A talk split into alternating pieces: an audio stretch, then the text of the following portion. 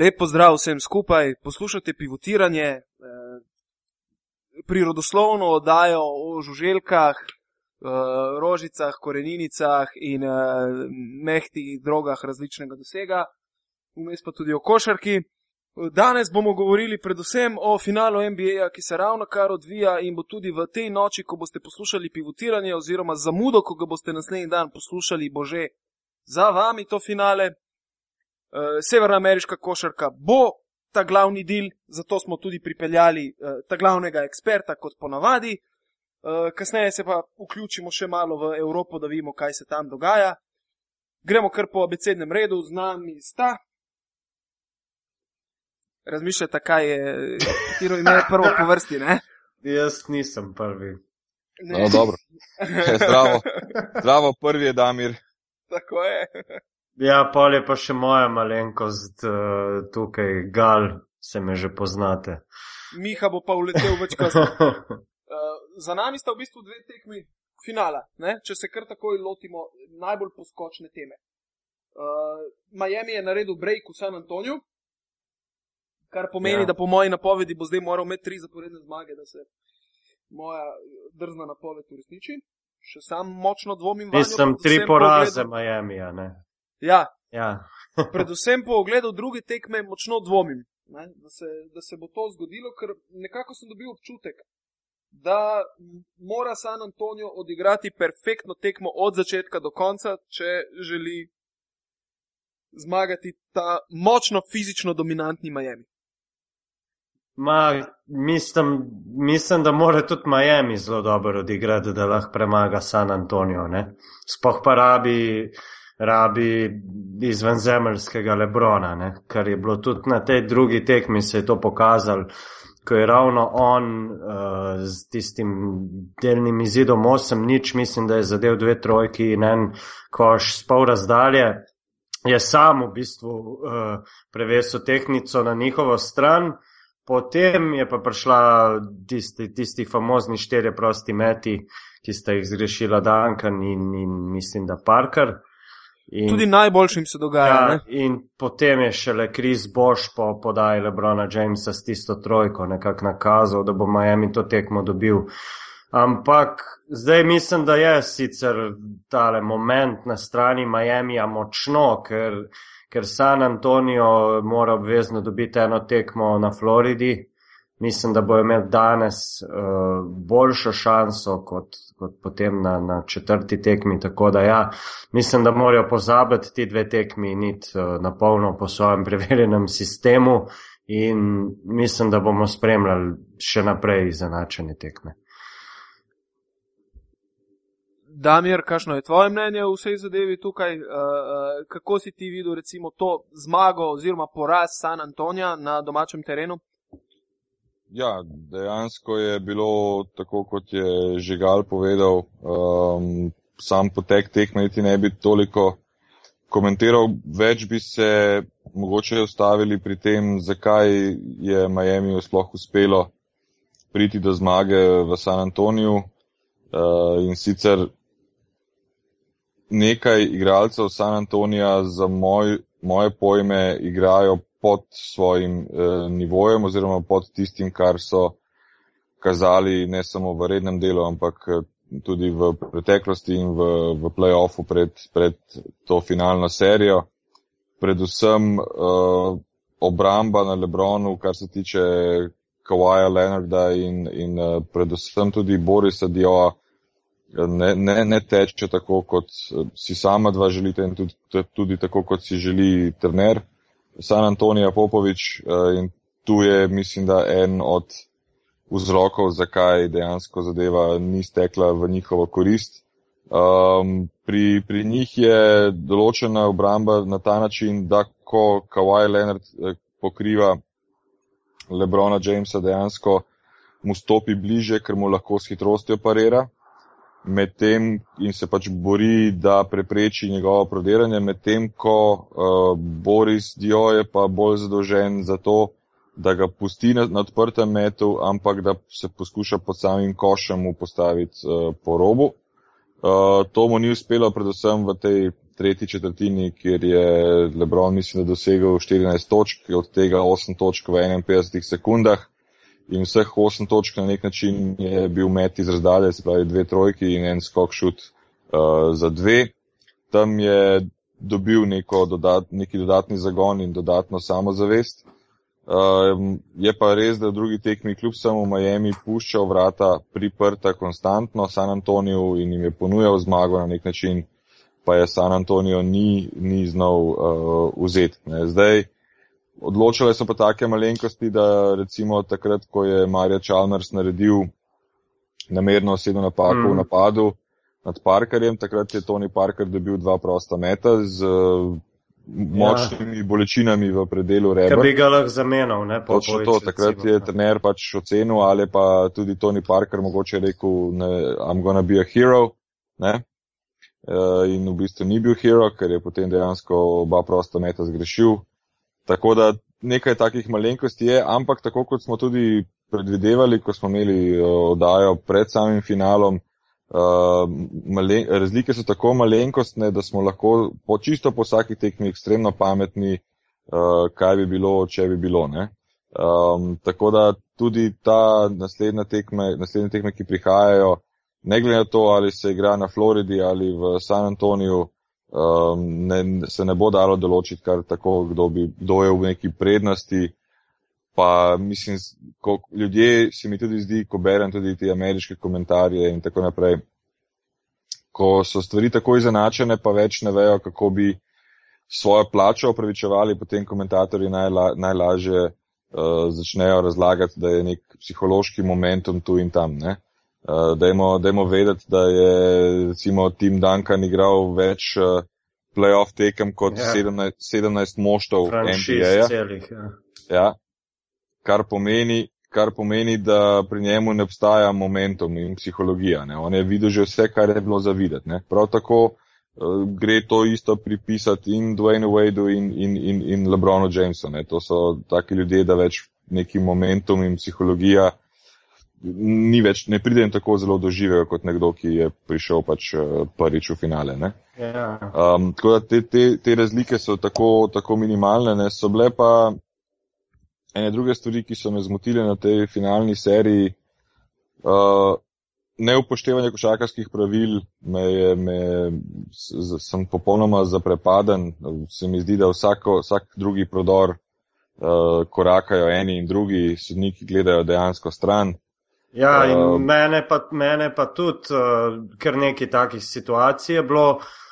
Predvsem pa ti sklop Dwayna Wadea, mislim, da, da ti ne? Takega renomeja, mislim, ne vem, no. Men, pri meni je zgubil precej točk, ne? ker smo pa videli, da praktično sploh kontakt tabloni. On se je pa ja. prijel za glavo, sej mislim, da je bil kaznovan s petimi tisočaki, ampak. Uh, še zmeraj. To je pljunk moj. No, ja. ni, ni težava v tem, da je on flopno, pa da je kaznovan s petimi, s petimi tisočaki, ker to je ekvivalentno temu, da. da Problem je, da je bil je... sodnik dva metra stran. Pa ja, pa ne to, ampak uh, bilo je to v prvem polčasu, kjer je Ginobili dobil tretjo osebno in se moral sesti na klop. Ne? Točno to. Uh, in to je tisto, kar je, kar je glavni, glavna težava. Ni težava ne 5000 dolarjev, ne flopanje, ker flopajo hočeš, nočeš vsi. Ne? Na tak ali drugačen način enim pač bolj zamerimo, drugim manj zamerimo, ker imamo tudi lastne osebne s, s, ja, ja, reference simpatije. in simpatije do določenih igralcev. In seveda tudi, tudi v javnosti je tako, da če igralci Miami flopajo, je to veliko huje, kot če igralci San Antonija flopajo. Ne? Uh, ja, po, dru mislim, po, se, po, po, drugi strani, ja. po, drugi strani, ja, po, drugi strani, po drugi strani pa mi je huje od tega dejansko bila osebna napaka od Chalmersa, ki je popolnoma brez potrebe že v izgubljenem položaju pod košem, ko bi moral dejansko ali podati ali pa iti v avt, se odločil še en oren krtko ja. mod spustiti uh, Tonyju Parkerju. To se mi zdi recimo, da, da je tudi. Ja, za, sem, ni, ni za, pa bila za manj. Ne? Ja.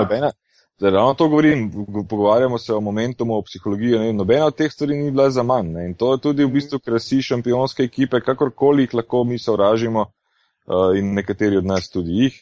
Uh, dejansko tako, tako so šampionske ekipe, namazane z vsemi žalbami in še po drugi strani uh, NBA se je tako spremenil v tako imenovano mehko stran, da tole so vse otroški vrtec za razne bad boys 88, 89, Ja, 90. To, to pa res, čeprav jaz mislim, da, da, da je Miami, če, če gledamo recimo razvoj uh, njihove igre od prihoda te famozne velike trojke, da na začetku so bili nekako mehki, so, se jih je dal malo recimo tudi sprovocirati, zdaj pa tudi oni nekako vračajo s to, uh, ne vem, se grejo tudi oni nazaj steps, ne. Ja, zdaj so dobili ta attitude. ne. In mislim, in mislim, da ja, dejansko so, so, so nekako nekje morali biti nek. Mogoče je tukaj tudi, tudi izkušnje, ki jih je prinesel predvsem Ray Allen, ki je bil vajen v Bostonu, glih z, z Clevelandom, uh, telih no, konstantnih nekih prepucavanj, da, da, da so nekako postali bolj kompaktni in znajo bolj odgovoriti na, na provokacije in mogoče na kakšen težji faul. Ne? In po moje je to glavna pač ta stvar, ki jim je še nekako manjkala, da, da, da, da zdaj lahko nekako se nosijo tudi s temi nekakšnimi old school variantami, Ja. kot, je, kot jih ima tudi San Antonijo, ne? ker vemo, da pod košem je vsak faul je močan. Ne? Seveda, seveda. Je pa, no, da se bo vseeno vrnil na tisto, kar sem v bistvu sploh začel uh, odpirati, to tezo, od korakov do flopanja, do razno raznih stvari, kjer je nek favel oziroma prekršek tak, da se ga je mogoče dotaknil z enim prstom, po drugi strani pa ni favel, ko, ko so ljudje sekero čez obe roki udarili. Recimo, ne. to, to, ta nekonstantnost uh, sodnikov v finalu mi ni všeč in kvari igro. Uh, zadnja zanimivost iz zadnje tekme pa sta tudi videla, upam, videla, ko je Miami vodil za tri točke in je šel v tisti zadnji svoj napad, ki ga je potem Dwayne Wade zaključil 9 sekund pred koncem po podaji Krisa Boša, ki je šel v prodor. Ne? Ko, se, ko je Chris Bosch bil na prvem, na prvem koraku, da bo pač prvi dribling dal in šel v prodor, je LeBron James kazal znak za timeout. In, Mislim- sodnik, in ja. sodnik je gledal točno v LeBron Jamesa in je ta, ta njegovo to potezo popolnoma zignoriral. Jaz tega, to je meni šlo, moram No, priznati. to, to jaz, imam, jaz, imam, jaz imam sliko, ki ti jo lahko tudi kasneje pošljem še enkrat. eh, Se, imam sliko, prav se vidi, da je zahteval da je LeBron James zahteval timeout in je sodnik se odločil dejansko to zignorirati. V tem času je pa Boš lepo izvedel prodor, ki kakorkoli že, da ne bi kdo še drugače, sploh naši poslušalci mislili, Miami je to tekmo eh, drugo zasluženo zmago. Tukaj sploh ni debate, ni bil kriv noben sodnik, ampak eh, konstantnost me pa dejansko moti. Sploh na tem nivoju, ko, kot je NBA, finale mora biti res uh, vsaka stvar zelo, zelo dobro oddelana, ured sodniki. Zdaj, ena ena je Miami uspelo v serijah, že mislim, da 13 tekmo zaporedoma, ne? Ja, Eh. in pa mislim, da imajo 47 tekem brez poraza, potem ko so prejšnjo tekmo izgubili. To je pa res fascinanten Tako, podatek. tako, tukaj so res pokazali. No, vse ta, pa- to je tisto prvo leto, se ki. uh, vidi lih njihov attitude. Ne? Uh, tudi v tem, recimo, ko je Lebron prvo tekmo predčasno končal zaradi krčev in potem je sledila normalno vsa sprdačina na vseh možnih Ja, ja. mrežah čez njegove krče. Ej, ma, jaz sem opazil, da on se zadnje čase po teh zajbancijah vrne nazaj še močnejši. Ne? In nekako se je pričakovalo zapukanje na Lebrona. Ja, to se jaz s slabimi spomini pač nekako spomnim tekme v Bostonu. Ne? Ko je Boston, mislim, da leta 2011, pa me bo Damir popravil, če ne ukradel pač tekmo v Miamiju Ja, in povedal 3-2. Na naslednji tekmi v Bostonu je Lebron dal, mislim, da 45 točk, 10 skokov in 5 podaj. Ne, ne, on, ko se res, eh, se mi zdi, da skoncentrira in, in pač, eh, ne vem, izolira ali kakorkoli osredotoči zgolj in samo na sebe, rata furiozen. No, mo- mogoče bi se na, na, v tem trenutku samo ustavili za sekundo, da mogoče razložimo našim poslušalcem, odkot toliko ljudi, pust, pustimo zdaj, a smo mi med njimi ali ne, ampak odkot toliko ljudi ne mara LeBron Jamesa. No, dobro, to vemo. To vemo Ne, to tudi ti- to- razložili. To, ja, ne, vsak razlaga po svoje, jaz bom poskušal dati pa eno adek, ade, adekvatno razlago. Ne? Adekvatna razlaga je, da je on tako dober, kot je sedaj, bil tudi že malo prej, kot so drugi mislili, ampak si je poiskal sredino, v kateri bo to naredil, da bo tako dober, kot je sedaj. Ne? Ker, tako kot je uh, Gal omenil tekmo z Bostonom leta 2012, kjer se je on pokazal, da se zna po vseh težkih situacijah in vrniti in biti furiozen, tako dejansko v prvem delu svoje kariere, v finalu, recimo NBA, ko, ko je Cleveland gladko izgubil leta 2007-4 proti nič proti San Antoniju, se ni znal. Ne? Ja, In, in opaske so bile, zakaj ga ljudje niso marali, opaske so bile, da zato, ker je pač bil v mestu, kjer ni želel biti.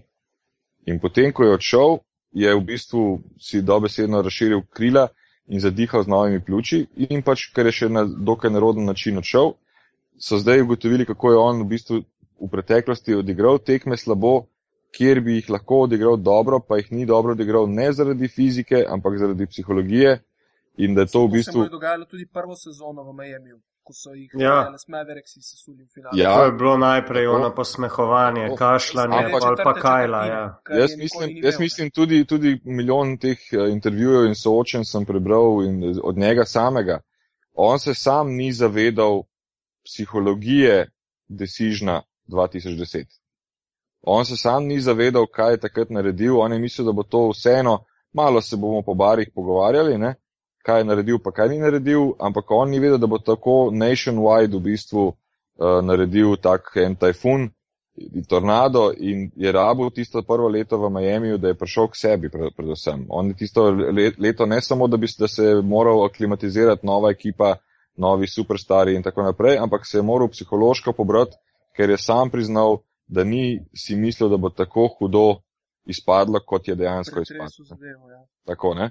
In zdaj, ko se kaže on v kljub vsemu, vsem svojem uh, sjaju, ne, uh, dejansko se to pozablja, zakaj, ko berem marsikje, pa zakaj ljudje ne marajo ga, pa zakaj ga ne marajo, ne vem, ali, pa, ali smo pa ljudje enostavno tudi po vokaciji zlate ribice, pa nimamo spomina za več kot tri sekunde. Ne.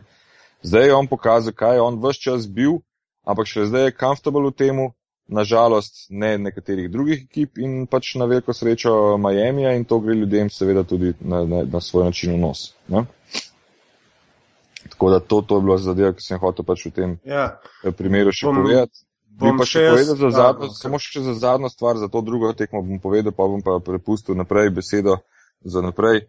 Um, Manu Ginobili, eh, zadnje, zadnje dva, tri napade, eden od krivcev za poraz San Antonija, vedno ga hvalimo, vedno ga upravičeno hvalimo.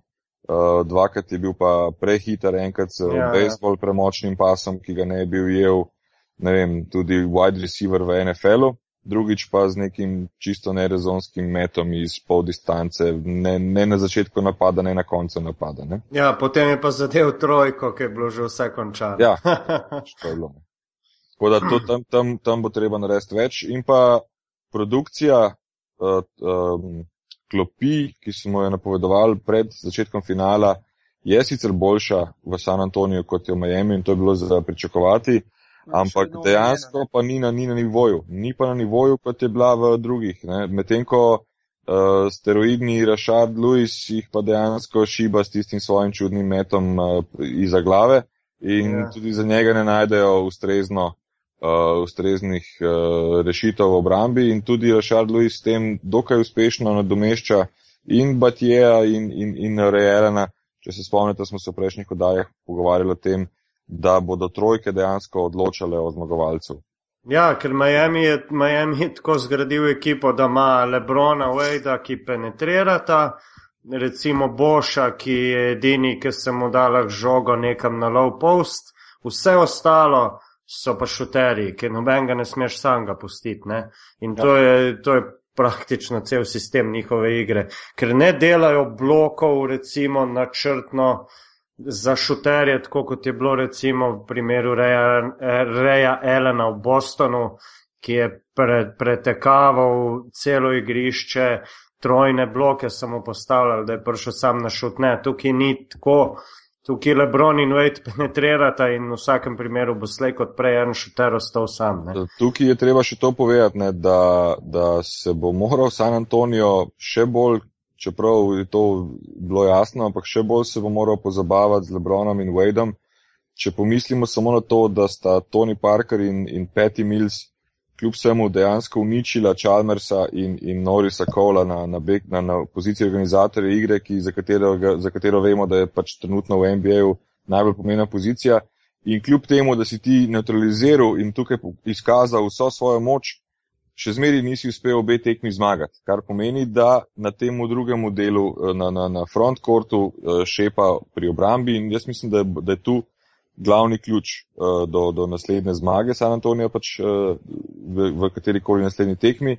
Če ne bojo neutralizirali Lebrona, ki ima pač več variant, ne samo prodor do konca, ampak seveda tudi kick out, se morajo ga drugače lotiti. Ker če se ga ne bojo drugače lotili ostale pozicije, kjer so uspeli kogarkoli neutralizirati, Tudi na centru so dokaj neutralizirali recimo Krisa Andersona, ne, ki je bil boljši v prejšnjih serijah uh, playoffa, um, pa jim še zmeraj ni uspelo dveh zmag kot nes. Tako da trenutno mislim, da se San Antonijo mora pozabavati sam sabo in predvsem svojim načinom uh, branjenja uh, Miami in, in narediti določene prilagoditve, uh, ker če ne bojo tega naredili, bojo tekme lahko seveda še zmeri guste, ampak uh, Miami bo na koncu, se mi zdi, potegnil še tiste zadnje uh, poteze, da bo pač zmaga ostala doma, ne, oziroma pri njih. Tako ja. da to mislim, da je prva stvar, sem zdaj že kar malo skočil na tretjo tekmo, to je prva stvar, ki mislim, da mora San Antonijo narediti za naslednjo tekmo. Malo prevetriti svoj način obrambe proti Lebronu in, ja.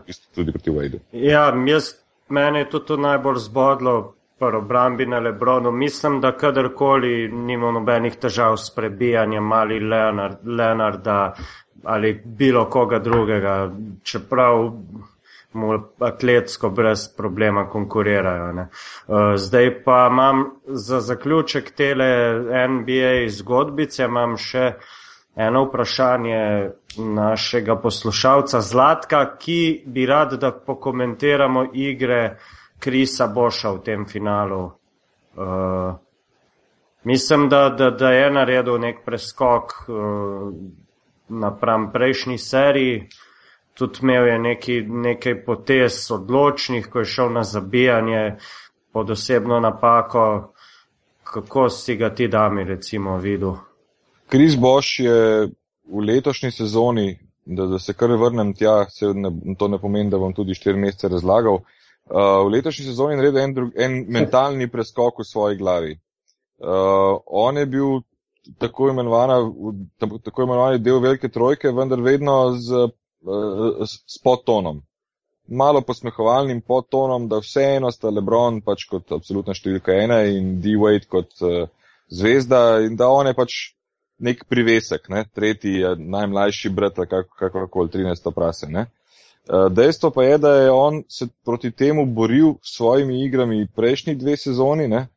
Eh, oziroma prejšnje tri sezone in, in je ugotovil, da tako za njega ni dobro. In je potem v letošnji sezoni um, veliko je vadil met iz razdalje, tudi veliko več zadeval, absolutno več zadeval. S tem odprl opcijo sam sebi, da lahko iz pol razdalje, kjer je že bil zelo suveren v preteklosti ima odprto pol razdaljo, ima odprto razdaljo in ima odprt prodor proti košu, se pravi dober. In je tisto, tako bolj nevaren je postal in pridobival na samozavesti, kot je sezona šla naprej, da je čakal na svojo priložnost in sprejel to vlogo, da sta, da, v, da sta v ekipi v resnici dve zvezdi in pol. In prej, ko se je bunil, mentalno ni bil uspešen zaradi tega, sedaj, ko se ne buni več, počne pa tisto, v čemer je dober in to je, recimo, met iz razdalje, predvsem iz strani. Uh, prodor, uh, on je recimo v tej tekmi, ki je bila zelo gusta, z dvemi uh, zabijanji pod faulom, v bistvu pokazal do, dodatno energijo vnesel v ekipo, medtem ko niso bili vsi na, na, na energijskem nivoju, kar je za NBA zelo pomemben energijski nivo igralca. posebej zato, ker je to za njih služba in dokaj, v dokaj velikem razponu časa ljudje, te igralci ne igrajo s tako noro energijo, kot se nam mogoče zdi.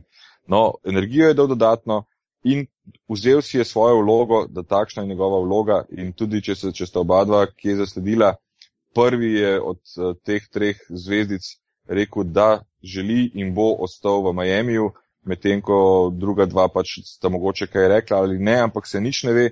Kris Boš je rekel, da se ne želi premakniti s tem, se pravi, je sprejel neko vlogo, uh, ki mu pač trenutno pisana na kožo in s svojimi igrami v playoffu tudi uh, pokazal, da, da dejansko je napredoval mentalno. Ne. Kljub temu, da je imel eno slabšo epizodico, par tekem proti Indijani v začetku, vendar se je takoj od tam naprej pobral in zdaj igra večinoma tako, kot on zna. In tudi mislim, da sta zdaj Lebron in D-Wade eh, počasi postala pozorna na to, da ga je treba izkoriščati na drugačen način, ker prej so igrali bolj po sistemu, aha, zdaj bom jaz vrgel, potem boš ti Lebron, potem bo pa še malo Kris vrgel, ne? zdaj pa razumejo se drugače. Ne?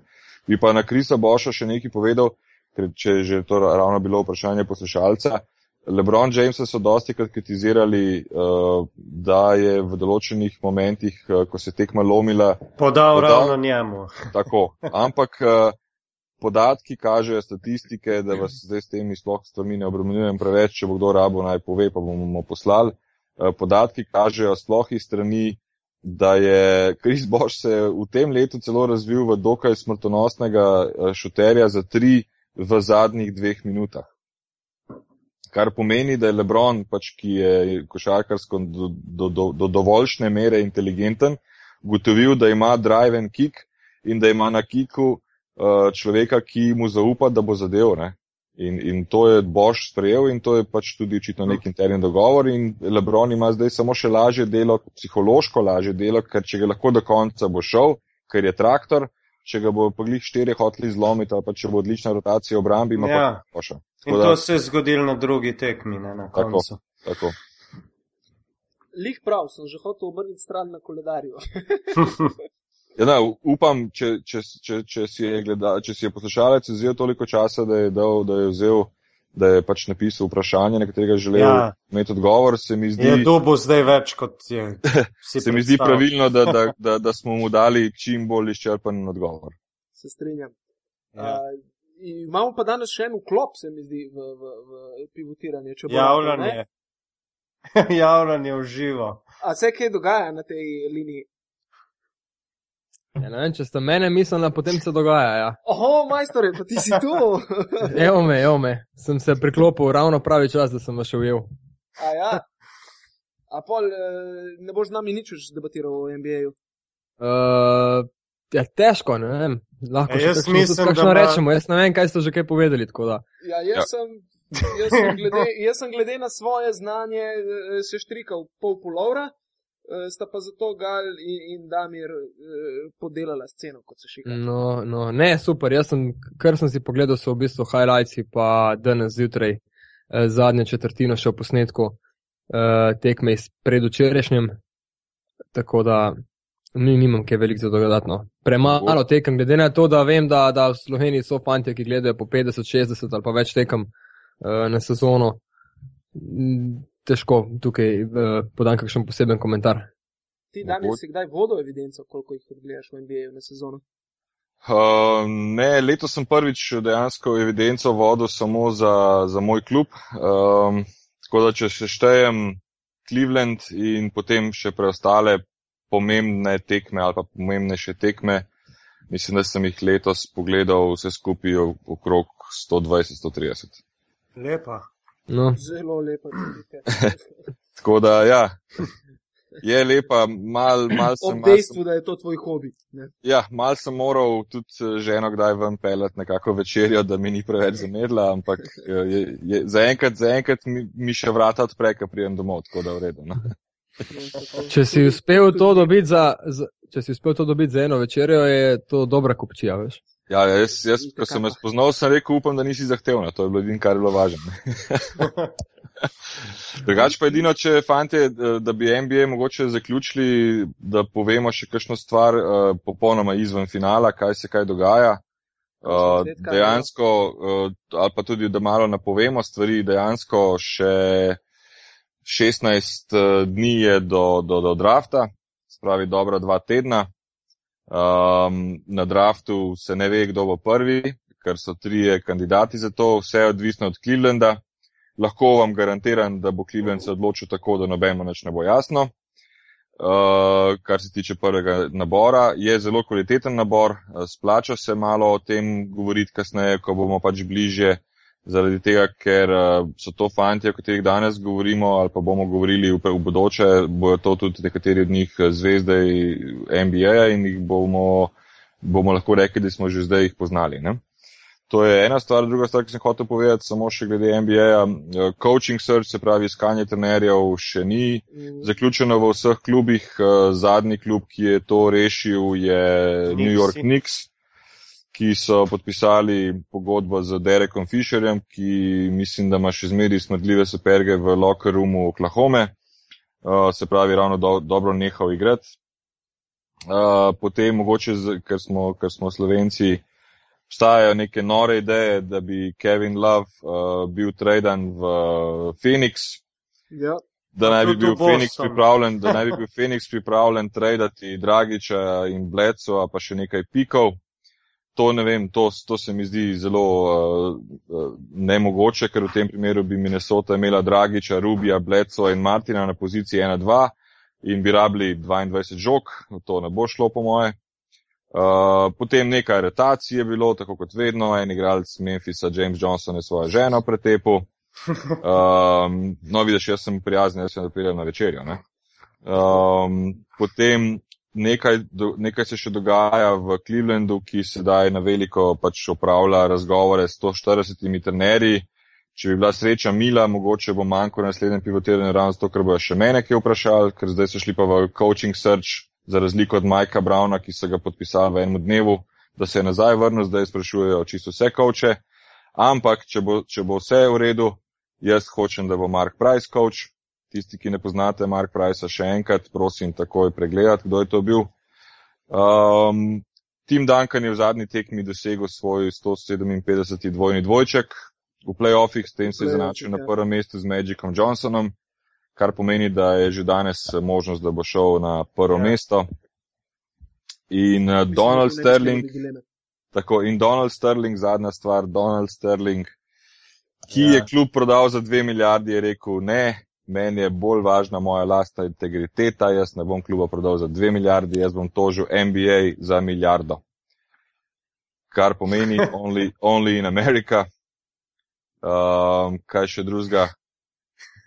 trenutno je to za, za, za sedaj to, če bo pa še karkoli drugega, bo pa še kdo sigurno od poslušalcev povedal, da smo pozabili povedati, kar se NBA tiče. Evo, ko si liho omenil coaching service, ne? Uh, en kup klubov je tudi po Evropi, čeprav se sežo, sezona marsikje še ni končala. Uh, uh, brez trenerjev, slovenskim predstavnikom bomo tokrat dali mir, da se jim enkrat toliko ne kovca v, v naši oddaji. Uh, se je pa zato končalo prvenstvo ja. že v Grčiji, kjer je uh, Panathinaikos obranil naslov državnega prvaka, po zaostanku z 2 proti 1 so uspeli narediti rebreak v bistvu v Pireju in krono pripeljati nazaj domov. Uh, na kar so se podločili za ja. novega ja. trenerja. Tukaj se je pa precej zanimivega dogajalo pri izbiri mm. novega trenerja. Ne? To so se če bi pogovarjali. Eh, glede uh, Grkov je situacija bila takšna, da je Olimpijakos dobil najprej na gostovanju tekmo v Atenah, ne?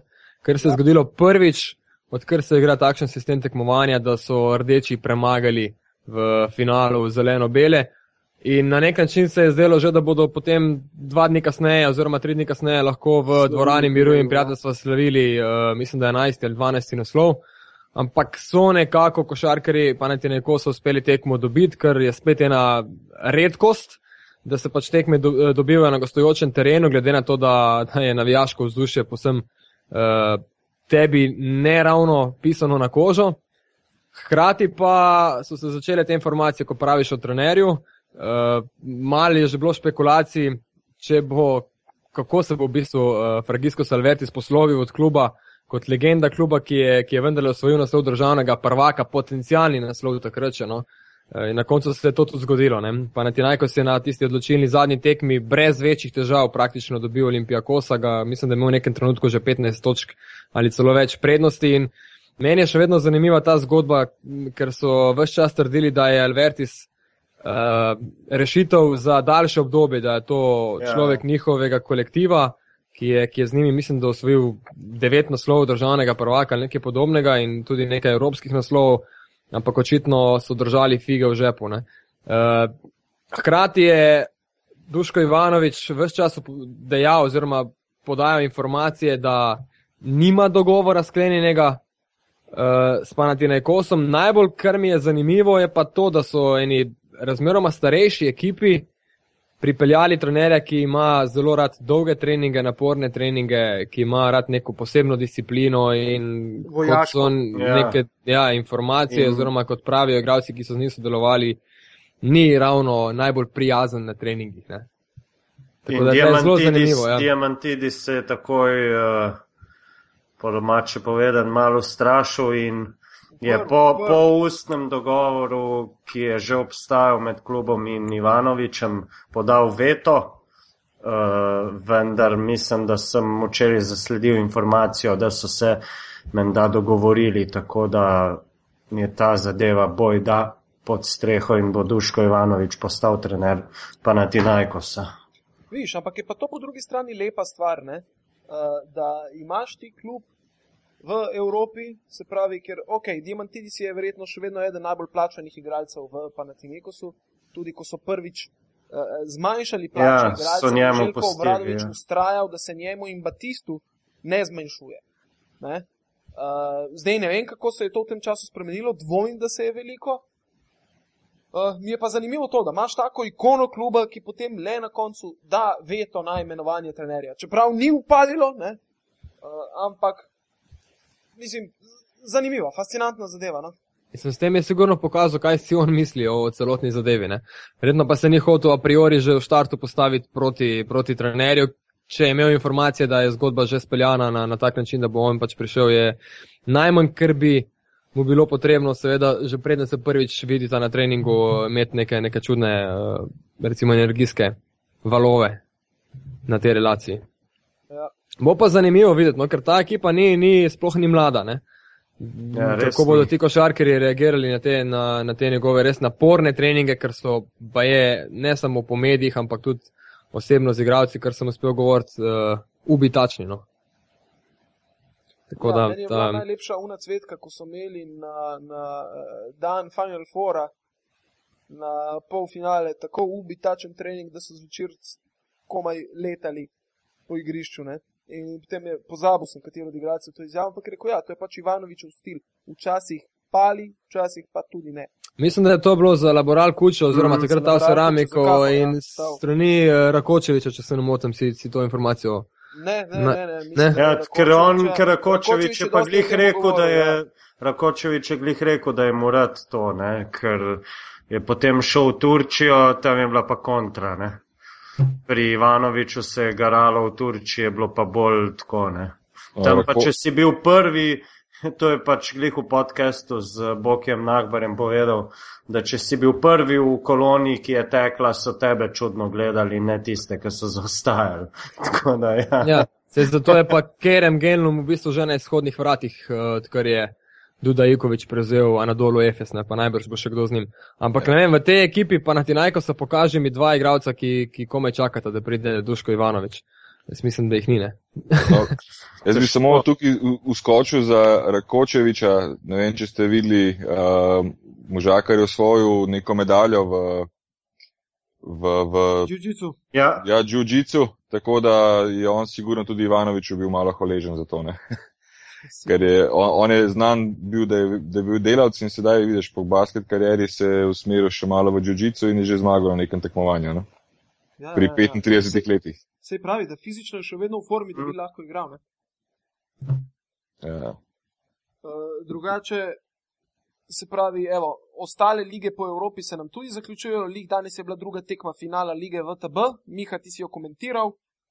Ja, eh, rusko, rusko prvenstvo, škoda, ker je pač Primož Brezec poškodovan in ne more sodelovati v tem velikem finalu, sigurno za Nižni Novgorod, ki je prvič praktično v. takega kluba, mislim, malega Vsekakor. kluba. Mm, Vsekakor, ne. zelo, zelo zanimivo finale s CSK-jem, zelo zanimiv finale, uh, kaj ti trener Nižnega je v preteklosti deloval v mlajših selekcijah uh, CSK-ja. ne.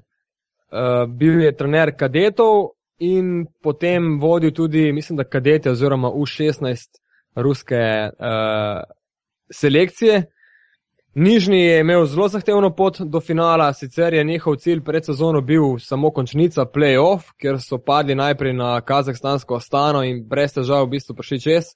Potem pa se je zdelo, da se bo zgodba zaključila proti postavljenemu nosilcu Himkiju, uh, ki ima tudi po proračunu drugega najvišjega v, v tem delu Evrope oziroma v tej ligi. Vprašanje je, koliko časa še, glede na rezultate v zadnjih dveh letih. Ja, in uh, Nižni je v bistvu v, s trojko v zadnji sekundi prve tekme. Mislim, da Petra Gubanova, če se ne motim, preko roke, res neverjeten med z desnega kota, takoj po podaji iz avta, manj kot sekunda, mislim, da je bila do konca. No, poskrbel za tisto vodstvo in kot kaže se košarkari Himkija potem enostavno niso več spravili v, v ritem, da bi, da bi vendarli pokazali to, da so v vlogi favorita in to, to moč pokazali na terenu. Uh, potem pa še tekma polfinala proti Letovo Sritosu, razmeroma neugodni ekipi, ki pa je razštelana praktično iz sezone v sezono.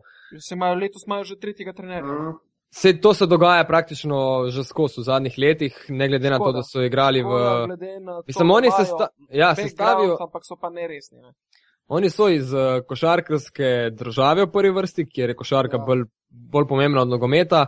Imajo vsako sezono zanimivo poimensko zasedbo. Zasedbo, ki bi se lahko borila za drugi del Eurolige, ampak s temi menjavami trenerjev to enostavno ni, ni dobra rešitev in Nižni je to izkoristil.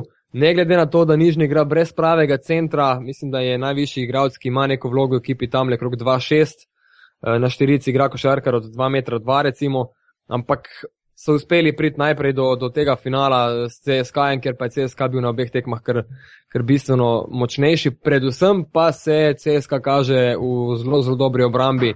Na prvi tekmi je Nižnemu dovolj 54, danes pa 59 točk, Nižnemu ne steče med za 3 točke, mislim, da so danes imeli 3-17, uh, ker je bilo njihovo glavno orožje, predvsem v, v polfinalni tekmi proti letu v Stritusu, oziroma v vsej polfinalni seriji in tudi v, proti Himkiju. Oni so imeli povprečju okrog 40 plus odstotkov v letošnji sezoni in ko prideš v finale, pa imaš trojko tam okrog 15 do, do maksimalno 20. Ne moreš proti CSK-ju, enostavno ne moreš. Uh, dvakrat zapored pa zanimivo najboljši strelc CSK-ja Miloš Teodosič. Na prvi tekmi sicer ne posebej dober odstotek meta, 5-15 iz igre z 11 točkami, no danes je bila zgodba drugačna, 18 točk, nimam zdaj v glavi točno njegovega meta, ampak mislim, so bile trojke 3-4, za dve piki pa 3-6, pa penali tudi zelo dobro. No. In 9 asistenc hkrati, tako da je Teodosič igral eno zelo dobro tekmo. CSK ima zdaj v bistvu dve domači tekmi, že v petek lahko serijo zaključi. Je pa dejstvo, da je za nižni uspeh uvrstitev v finale ena zmaga proti bi Euroliga, že bila. eh, Super, super uspeh in s tem tudi Euroliga, ker si mislim, da pred sezono niso, niso nadejali, bili so tudi v polfinalu Genialno. Eurokupa, tako da ne, ne morejo žalovati praktično za nobeno zadevo v letošnji Recimo sezoni. Unix, Unix je ostal praznih rok, ne? lokomotiva je ostala praznih rok. Ja, omenjeni Himki že prej, ki je spadal prav Ja. proti njim. Tako da mogoče, mogoče bi, bi tukaj veljalo izpostaviti, da so pač res brez centra in jih eh, CSK guzi dobesedno eh, vsak napad v, v raketo in potem se odpirajo tudi meti za Teodosiča in, in Fritzona, ki sicer valjda ne dobi žoge ne, od Miloša Teodosiča. To je še ena zadeva, ki je zelo značilna. Uh, ampak mislim, da večjih težav CSK tukaj ne bo imel no, in da je v bistvu to, ta zadeva že, že praktično odločena. In skoraj ne vidim, kako bi Nižni lahko presenetil CSK.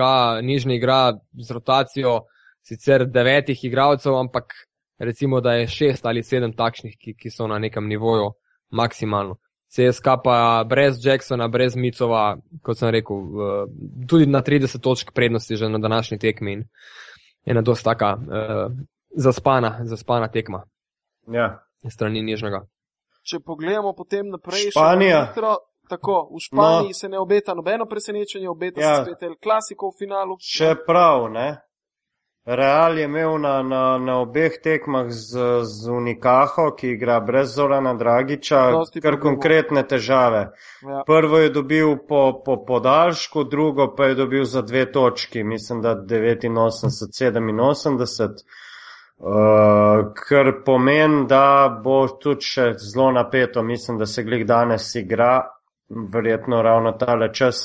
Tretja tekma, na drugi strani pa Barcelona proti Valenciji vodi uh, v zmagah tudi dva proti nič.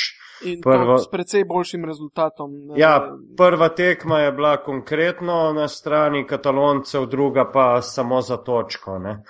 Jaz moram priznati, da sem pričakoval, mogoče potihoma, da bi celo Valencija lahko ruknila tole Barcelono, ampak uh, bom, bo, mislim, da kar pripeljal tole suvereno do konca. Ne. Mislim pa, da je ravno na, na prvi tekmi Boštjan Nahbar odigral odlično, 15 točk v, v 18 minutah Akbar tudi. zdaj proti koncu sezone je postal tako konstanten, ja. tudi Čavi mu zelo zaupa ne, in je v bistvu nekako, glede na to, da Lorbek letošnje sezone nima take, kot se je morda od njega potihem pričakovalo, čeprav je itak bil, je še vedno rekonvalescent, mm. ker je šele decembra stopil na igrišče, ne.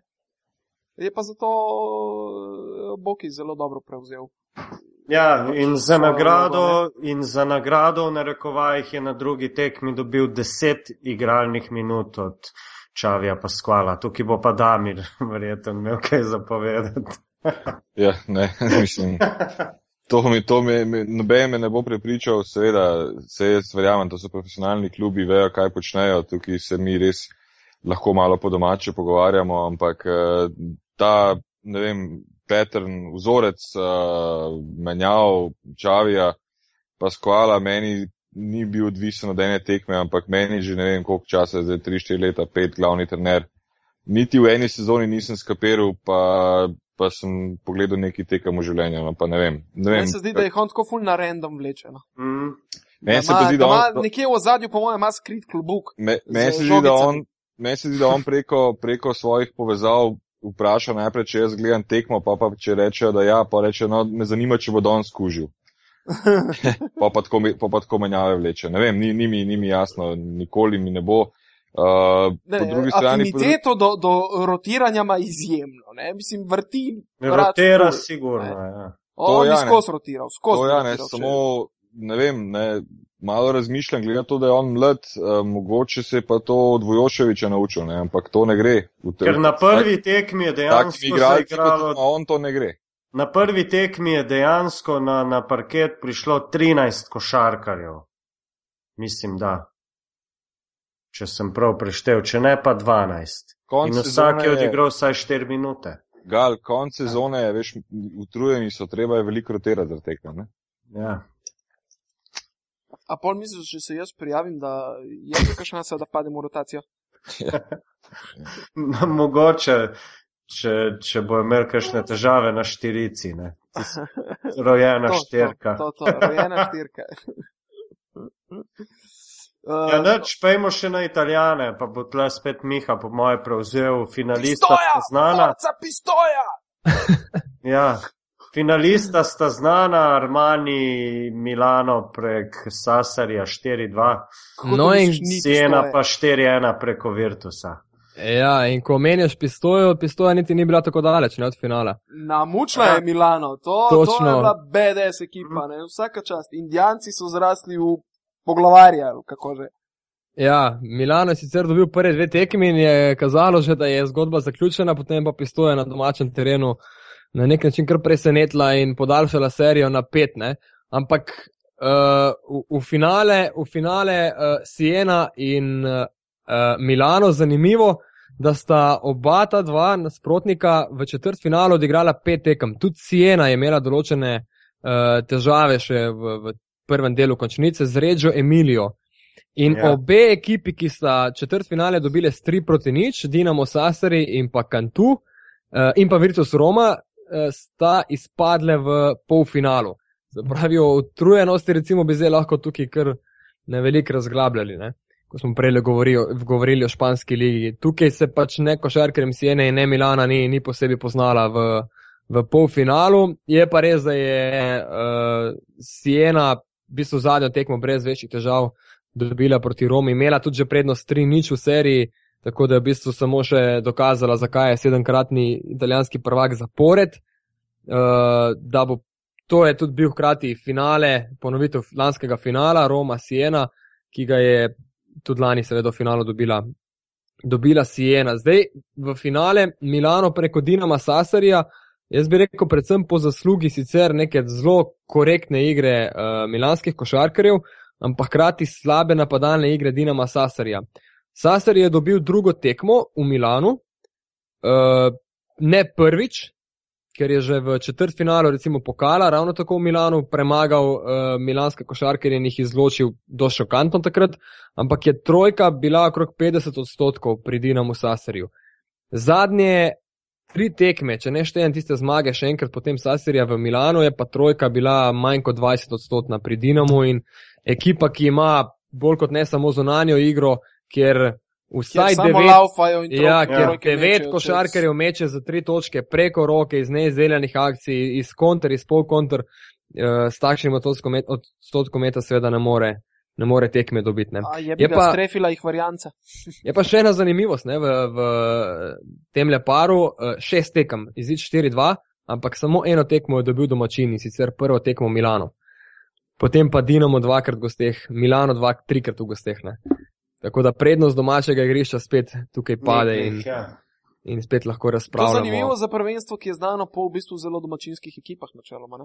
Ja, ja, ampak eh, pri Milano je zgodba vseeno malo drugačna. No, videli smo že v, v recimo četrt finalu Eurolige, da so imeli težave z Makabijem, eh, da so imeli težavo eh, v četrt finalu pokala in da so ne na zadnje imeli težave v četrt finalu in potem še v, v polfinalu, sicer z Dinamom Saserjem.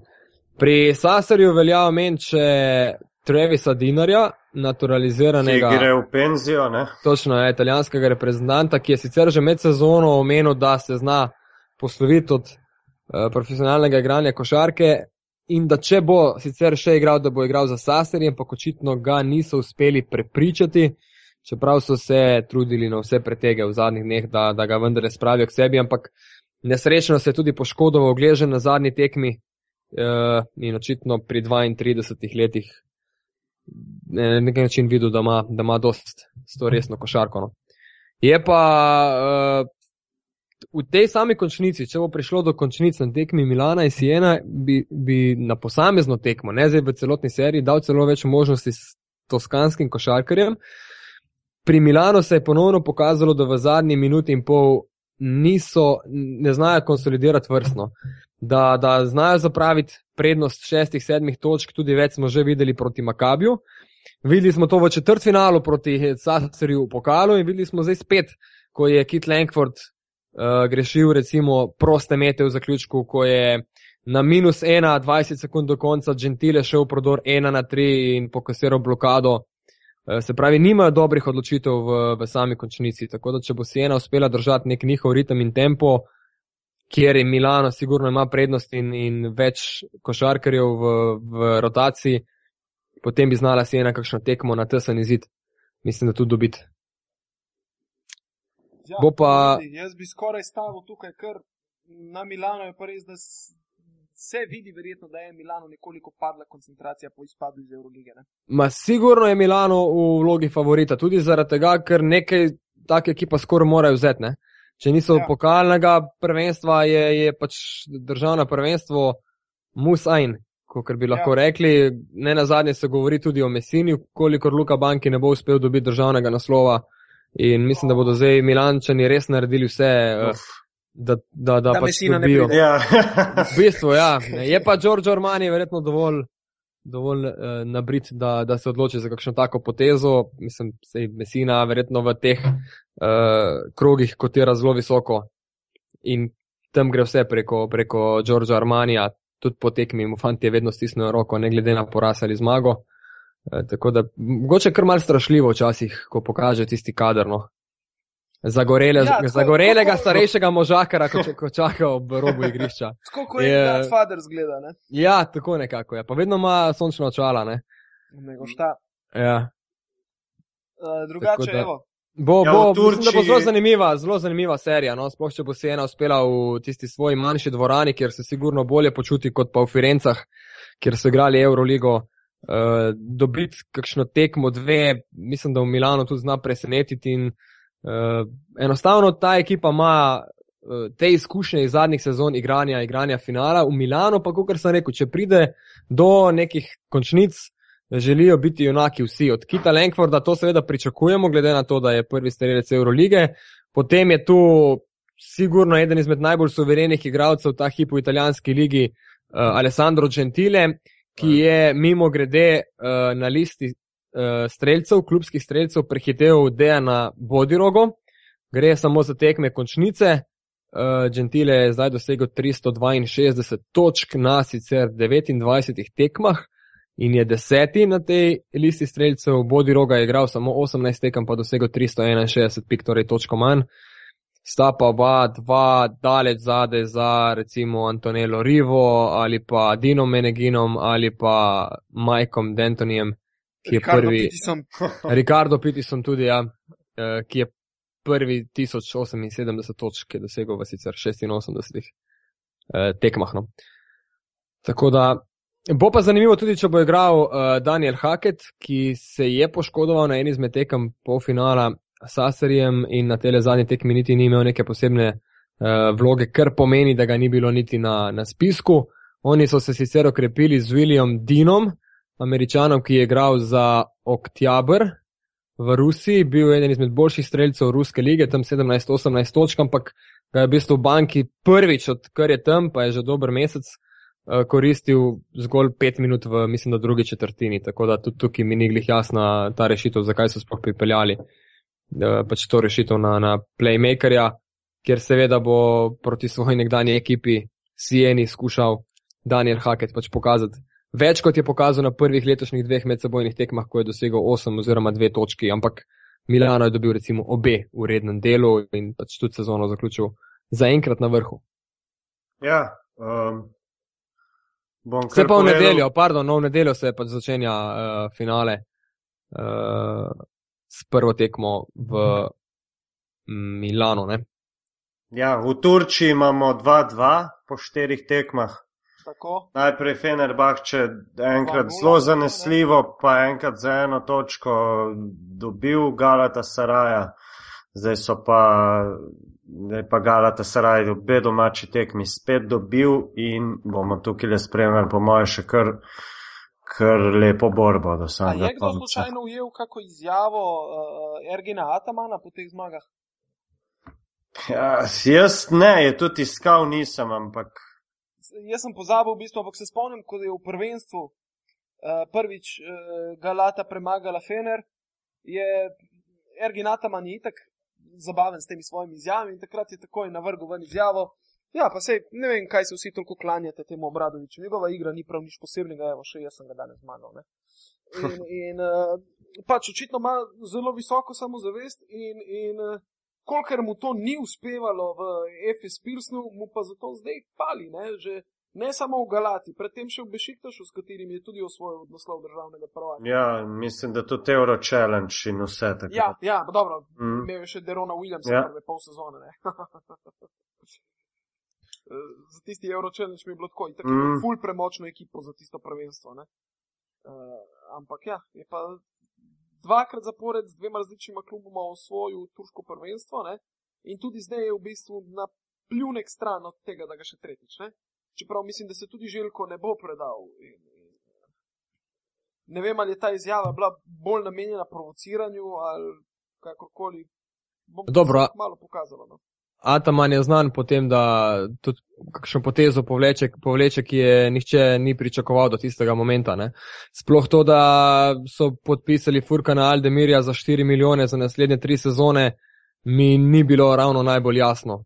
Uh, ker za ta denar mislim, da bi se dalo dobiti vendarle kaj boljšega. Res je, da je Turk, Ja, to je ta anomalija na turskem Ampak, tržišču, ne, ja. pač, Kjer, so, kjer so turški igralci toliko vredni. Mislim.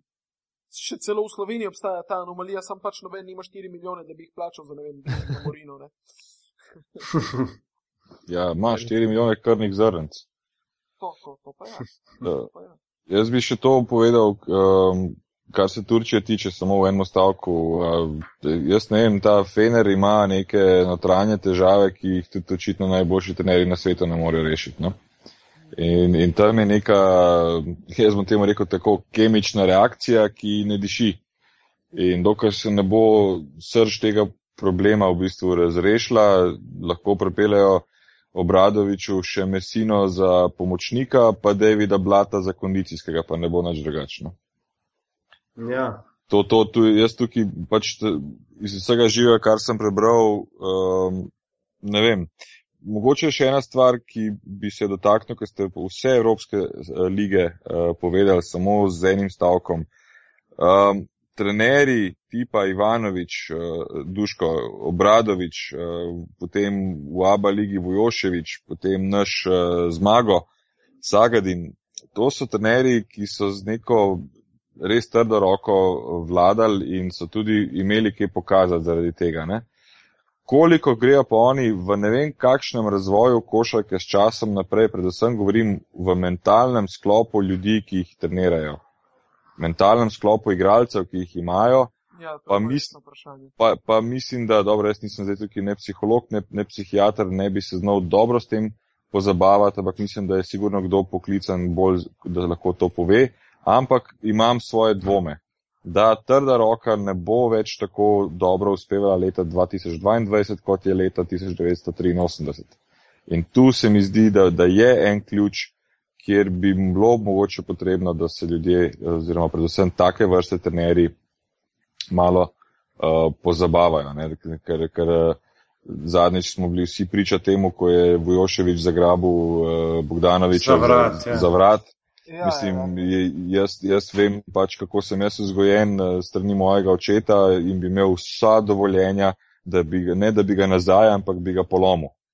Pa, pa še posebej, če sem Bogdanovič, ki imam perspektivo, da takoj prestopim v katerikoli drugi klub in enostavno nadaljujem s kariero, ki bo po moji ceni še vrhunska. Čeprav vem, da Bogdanovič ima sigurno svoje še mladostniške karakterne fore, ne? ampak uh, halo, za vrat, da me nekdo prime, to je konc. Ne? Ja, jaz mislim, da je, če so ga potem kaj vprašali, je rekel, to je v dobrobit mojega razvoja karijere. Ja, To je dobro. on že nič koliko krat eh, prej. To mu je, to mu je PR-ovka Ja. rekla, da mora povedati. Ne? Dobro, Ja. nisem, hotel, nisem hotel tukaj velike No, razprave sej- odpreti, ampak eh, Obradovič, recimo, ko je Pjanidžani odstopil, sem jaz eden tistih, ki Italijane včasih ne jemljem dovolj resno, rekel, ma dobro, manekenček bo šel nazaj, ne? čeprav Pjanidžani popolnoma dober trener. Ne? Potem je prišel Obradovič, sem rekel, zdaj boste vi fanti videli dol v Fenerju, ko bo nova metla, pa ko vas bo on nagonil, ne? pa ni bilo iz tega nič. Ne? Pa, pa sem še zmeraj pripričan, da Obradovič, eh, pač že rezultati govorijo, da je legenda, da sploh ni debate. Nekaj se tam, eh, neke kemije ni v tisti ekipi in eh, ne, pom- ni, ni, ni, ni na trenerju, Nek, nekje druge je zadeva. Jaz mislim, da ne še. Je pa vprašanje časa, kdaj jih bo pripravil vsaj do te mere, da naredijo eden izmed odmenjejših rezultatov. Ja. Zdaj, eno sezono ima Željko še sigurno pred sabo. Kolikor jaz vem, je na izhodnih vratih Lina Sklejza. Uh, govori se o prihodu uh, Printezisa iz Printezisa, uh, ja. Olimpijakosa. ne. Ja. Uh, zdaj ne vem, oba kluba naj bi se tukaj, tako Efes kot uh, Fener, naj bi se bojevala za Teodosiča. Mm, zdaj pač, ok, tukaj je, kot bi se reklo, prisoten tale 4S, samo sloga Srbina spašava. Mm, Ja. In, in uh, poteza, ki je ne razumem najboljše, ampak po drugi strani, kdo bo pa razumel boljše Teodosiča, če ne ravno njegov, uh, uh, bi rekel, trenerski oče Duda Jukovič ali pa uh, Željko Obradovič. Mislim, da Željko Obradovič bi ga predvsem vrgel v močen tretma preuzgoje. Tudi. Čeprav po eni strani je starega kozla težko preuzgajati, kar Teodosič sigurno že postaja, glede na svoj staž. Uh, po drugi strani pa Obradovič Lej, je Te, Obradovič ne? pa Teodosič mislim, da, da, da ne greste skupaj. To je moje mnenje. Um, in to iz preprostega razloga zato, pa sigurno se noben z mano ne strinja, ampak Teodosič, Teodosič je navaden cigan. In to ne Rom, ne Rom, Romi so v redu, on je cigan. Ker to je tako, kot kmet, pa kmetavz. Ne? Kmet je super, kmetavz je pa po obnašanju nekdo, ki ni v redu. Ne? Se Pravi, Teodosič ni Rom, on je cigan. Ne? In to je glavna težava in njega ne moreš preuzgojiti in ker je tak, je naj bo pr svojemu ta pravemu da gremo mi še malo naprej v, v, v genezo tega le cigara. ne? Ja, Uh, kako že grobari Ja, rečete uh, rdečim. Uh, uh, uh, deljam? Ja, zdaj ne vem, ko, ko, a kakšen otrok to posluša, kar a veš. uh, Tudi če je, je zdaj že zaspal, Ja, ja, ja. ure. tako da ja, ni pa- ciganske, ciganske P, ne? ja se mislim, da je Teodosič bolj, bolj Dža, star veš, crvene veš, kako je to? Džaba vam svej, vlast vas gura, ali ne ide ne. Ništa od titula ni ove godine. Si siguren? Lej, ka o srpskem prvenstvu bomo govorili v kakšni naslednji epizodi, glede na to, da se itak obeta večji ti derbi v finalu, mm. noben drugega tu ne pričakuje. Evo, če še mogoče za konec potegnemo črto, CD-vita je na pragu zmage v državnem prvenstvu, vodi z 2-0 proti Ciboni. Pa mislim, da je tekme že konc, sam mi ne vemo rezultat. Ni, A ja, minuta, tako. je, minuta je še do konca, ampak je razlike 16 točk. Ja. Aha, se pravi, CD-vita je nov prvak ja. Hrvaške. Tako. In to prvič. Ja, prvič, uh Mhm. -huh. tako je. Do zdaj so imeli eno titulo, ki jim jo je Smodiš prenesel, V pokalu. eh, Hrvaški pokal. Ja. Ne? In s tistim je imel v bistvu tudi pribor v Euroligo s 27 pikami v finalu. Ne? Tako, ja, tako. Ja, uh, noč v Srbiji imamo že, mislim, da enega finalista Partizana, Tako. ki je tudi na drugi tekmi premagal Radnički, Crveno zvezdo in Mega Vizuro pa glih jutri čaka tale druga tekma. Uh, pa, pa mislim, da smo kar tele bolj pomembne lige obdelali, lahko še povemo, Vs- da vse je. smo obdelali, vse Ja, smo obdelali. lahko še povemo-. Lahko še povemo, da je Zoran Martič zapustil klop MZT-ja, ker leta več ni sposoben eh, nekako uresničevati dogovorov Osvojil je pa titulo državnega prvaka predtem, ne? in pokalno. Ja. In pokal. Pokalno, ja. Uh, ja, mislim, da on je tudi rekel, da je imel prej ponudbe, ampak zdaj pa pač, ko je š- preden je pač se začelo vse skupaj razpadati. Sicer MZT naj ne bi bil na robu finančnega zloma, Kako ampak vem, bo za trenerja pa šel vrbica Stefanov, ne? mislim, da. To je ne. v vsakem slabem je nekaj dobrega, če bo Ja. njega vzel, njega me, on je bil luciden, luciden igralec. Ja. Me zelo zanima, kakšen trener bi bil. Ja, to je nekako to, in mislim, da smo s tem lahko tudi nekako. Jaz bi, še dve, jaz, bi, jaz bi še dve stvari povedal zelo hitro in sicer uh, malo za šalo, pa vendar uh, Republika Irska se vrača nazaj na mednarodna tekmovanja pod okriljem FIBA Evrope. To, To, toliko, da, da, da vemo, uh, ker dejansko bili so, bili so v finančnih dolgovih in so leta 2010 uh, izstopili iz vseh tekmovanj. Leto 2015 bojo prva tekmovanja, začeli bojo z dekleti, tako da Irska je nazaj in se lahko veselimo. Uh, druga stvar pa, ker bo čez dva dni nogometno prvenstvo, bi jaz mogoče tudi omenil, naj si ljudje poiščejo na internetu blokado Wayna Rooneyja Ja. na treningu, na treningu, ja, na treningu angliške reprezentance, kjer so za šalo igrali uh, košarko. Blej- Wayne Rooney mu je blokado dal uh, bos, brez superk. In blokada je bila tako silovita, da se tudi NBA igralci ne bi sramovali, ja. Pa naj si naši poslušalci za zabavo še to poiščejo, ker vem, da Lej, potem. to bomo, to bomo prepopali si spodaj. Ja, se pri nas naj si dol poiščejo. Tako, tako. Tako da malo za šalo, pa ker se bliža tudi nogometno prvenstvo. Ne? No, Svetovno. če se že navežemo na nogometno prvenstvo, zdaj, uh, dragi poslušalci, poslušalke, pač naslednji mesec dni je mundial, na katerega uh, mislim, da nihče od nas ni imun. Uh, niti jaz, ki drugače ne spremljam več uh, futbola, odkar so Kanidžo in Maradono dobili na doping kontroli. Uh, iz hudega razočaranja namreč. Uh, tako da Lejte, če, če bo vmes se zgodila kakšna pauza s pivotiranjem, da ga kakšen teden ne bo, razumite, bomo pa javili, da boste ja. Lahko pizli pol na Twitchu. Čeprav glede na to, koliko smo zaposleni v narekovajih, saj v mojem primeru še zaenkrat, mislim, da bomo kar sfurali tole. No. Vse je še do konca, še kljub samo v NBA, Ja. je draft, bo, se bo dogajalo, no bo, bojo pa naši poslušalci za, za timeout od nogometa radi spet nazaj skočili na no, najnovejše dogodke na pivotiranju. Ja, sej tudi uh, obetajo se kakšni gostje, taki zelo zveneči, pa bom zaenkrat še mal uh, pustil Tiho. tole o zimeni, ampak lahko povem, da se, se na, načrtujemo obisk recimo, da najboljšega ali pa enega od najboljših košarkarjev vseh časov slovenskih in pa tudi verjetno kar najboljšega, najtrofejnejšega trenerja v Sloveniji, tako da ja, dolg čas siguren ne bo. Jaz bi rad dobil v pivotiranje še najširšega. Ja. Bomo vprašali Riki Rubija, če ga lahko zrihta. Ja. Boje prej preko njega pridemo do, do Džileta. Lažje kot obratno, ne? ja. ja, nič, da zdaj samo tako. še povej, kje smo se nas eh, sliši, vidi, čuti in tako naprej. Na Twitterjih se pravi, gremo kar po vrsti. Damir, ti si, Se pravi Afna MRDEE 25 in pa še vseeno Afna NBA SLO, kjer boste deležni najnovejših novic iz NBA. Gal, Zbale z dvema L na Twitterju, na Facebooku pod eh, imenom in priimkom. To je to. Mika, Evo, ker so tako zavlekli, je CD-vita medtem že postala prvak, s 3 proti nič v seriji. Repe še ravno kar uh, slavi in se šprica malce uh, šampancem. zrak je. Po, po, po ja, možno. Uh, nič, na Twitterju, pod Penkalis.